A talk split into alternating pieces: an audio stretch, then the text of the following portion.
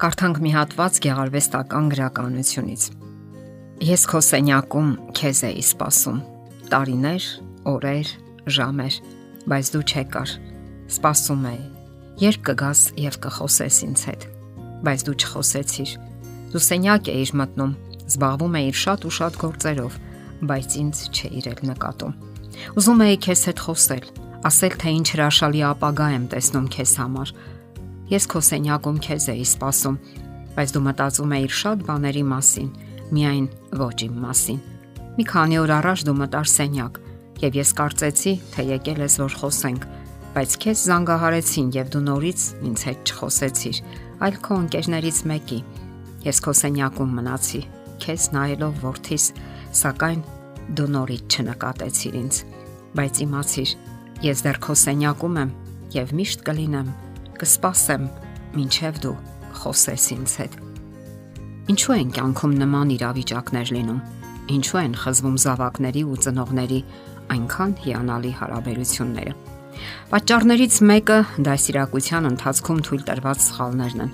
Ուսումնասիրություններից մեկում ողջվել է, որ յուրաքանչյուր կշտամբանկ այնպիսի վնաս է հասցնում երեխայի իր մասին ունեցած պատկերացումներին, որ հետագայում այն ուղղելու համար պահանջվում է 4 անգամ ավելի շատ գովասանք։ Այս նույն ձևով չի կարելի ածականներ արտաբերել երեխայի հասցեին, կամ էլ այլոց հետ խոսել երեխայի բացասական գծերի մասին այն ժամանակ, երբ նա առավել եւս ներկա է։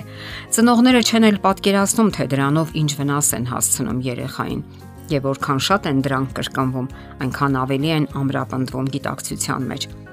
Երբ երեխան ընդունված եւ սիրված է զգում իրեն, դա նպաստում է նրա մտավոր ու ֆիզիկական զարգացմանը, նաեւ վերականգնում է հոգեկան ու ֆիզիկական կորուստները։ Երբ երեխան իր հանդեպ անկեղծ բարյացակամություն է զգում, ինքն է ձգտում փոխվել ու աճել։ Բարեհաճ վերաբերմունքը երեխային դրթում է բացահայտել իր հնարավորությունները։ Դրական ջերմ վերաբերմունքը, ճիշտ շփումը թթվածնի նման անհրաժեշտ է երեխային։ Ծնողները պետք է վարվեն այդպես եւ ակնառու կզգան դրական խոսքերի դրական լիցքերը։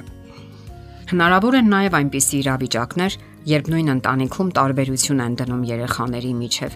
Ասենք մեկին ավելի շատ են սիրում, քան մյուսին, Կարևոր չէ դիտավորյալ է դա արվում թե ոչ։ Արդյունքը միատեսակ է։ Փոքրիկ անznավորությունը մերժվածություն է զգում։ Այսպիսի մի օրինաչափություն է նկատվում։ Ընտանիքներում առաջին երեխան կարծես ավելի խելացի է լինում։ Եվ որպես առաջնեկել նա որոշակի առավելություններ է ունենում։ Ահա հայտնվում է մյուս երեխան, որն այնքան էլ ընդունակ չէ, եւ նման իրավիճակում կարող են նկատվել կողմնապահություններ, որոնք ազդում են երեխայի հոգեբանության վրա նա իրեն անպաշտպան ու լքված է զգում։ Իսկ երբ ծնողները հաճախակի գովում են ավակին եւ օրինակ բերում նրան, ապա դա լրացնում է ընդհանուր պատկերը։ Մերժվածությունը հղի է նաև այլ վտանգներով։ Մեծ մասամբ հենց մերժվածությունն է դուր բացում նյուս բացասական որակների առաջ։ Դա այն արմատն է, որից կարող են աճել նախանձը, ատելությունը, անտարբերությունը եւ այլն։ Մյուս իրավիճակն այն է, երբ երեխան իր ծնողների կողմից չի ստանում բացահայտ սեր։ Այս ամենը կարելի է ամփոփել մեկ նախադասությամբ։ Այսօր գրկել եք ձեր երեխային։ Երեխան, որին չեն գրկում, փակված է մերժվածություն զգալու։ Կան ծնողներ, որոնք իսկապես սիրում են իրենց երեխաներին, բայց պարզապես չգիտեն ինչպես արտահայտել իրենց սերը Նրանք իրենք իրենց ժամանակին չեն ստացել սիրո այդ նույն դրսևորումները եւ այժմ էլ իրենք չեն կարողանում դա դրսևորել։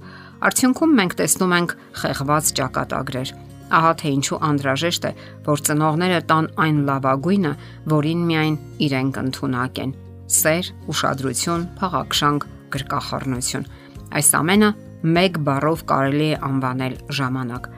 Ժամանակ հատկացրեք երեխային, նրա պահանջմունքներին, իսկ երեխան բնականաբար արժանի է դրան։ Եվ նա կմեծանա որպես առողջ ու լիարժեք անznավորություն, իսկ հարաբերությունները կընթանան դրական նոտայի վրա։ Խզված հարաբերությունների մեկ այլ պատճառ է, երբ երեխան սաղմնավորվում է ամուսնությունից դուրս։ Այս դեպքում էլ մայրը կարող է դառնություն ու ատելություն զգալ իր անհաջող կյանքի համար, ներքին բացասական տրամադրվածություն երեխայի հանդեպ։ Եվ նման երեխան ծնվում է բնականաբար մերժվածության զգացումով։ շատ կարևոր է հասկանալ երեխայի հարուստ ներաշխարի առանձնահատկություններն ու նրբերանգները։ Շփումը բոլոր տարիքներում, իսկ որոշակի տարիքում արդեն կարելի է կիսվել ու parzabanել, թե որն է իրենց համար ընդունելի եւ ճիշտ։ Բառային հաղորդակցությունը լավագույն ուղին է հասկանալու, անցալելու ցանկացած վիճահարույց հարց հարթելու համար։ Երեխայի ծնվելուց անմիջապես հետո են դրվում երեխայի եւ ծնողների միջև կապվածության հիմքերը։ Շփման վերոհիշյալ բոլոր տեսակները նպաստում են, որ նորածինը նախապատրաստվի ապրելու ծնողների տանը առանց հիվանդագին զգացումների Այսպես ողջ կյանքում զարգանում է կապվածությունը սերունդների միջև։ Չէ՞ որ այդ կապվածությունն էլ իր հերթին դառնալու է այն կամուրջը, որը կապահովի տարեց ծնողների հուսալի, ապահով եւ երջանիկ ծերությունը։ Եվ արդյոք դա չէ յուրաքանչյուր մարդու երազանքը։ Եթերում ընտանիք հաղորդաշարներ։ Հարցերի եւ առաջարկությունների համար զանգահարել 033 87 87 87 հեռախոսահամարով։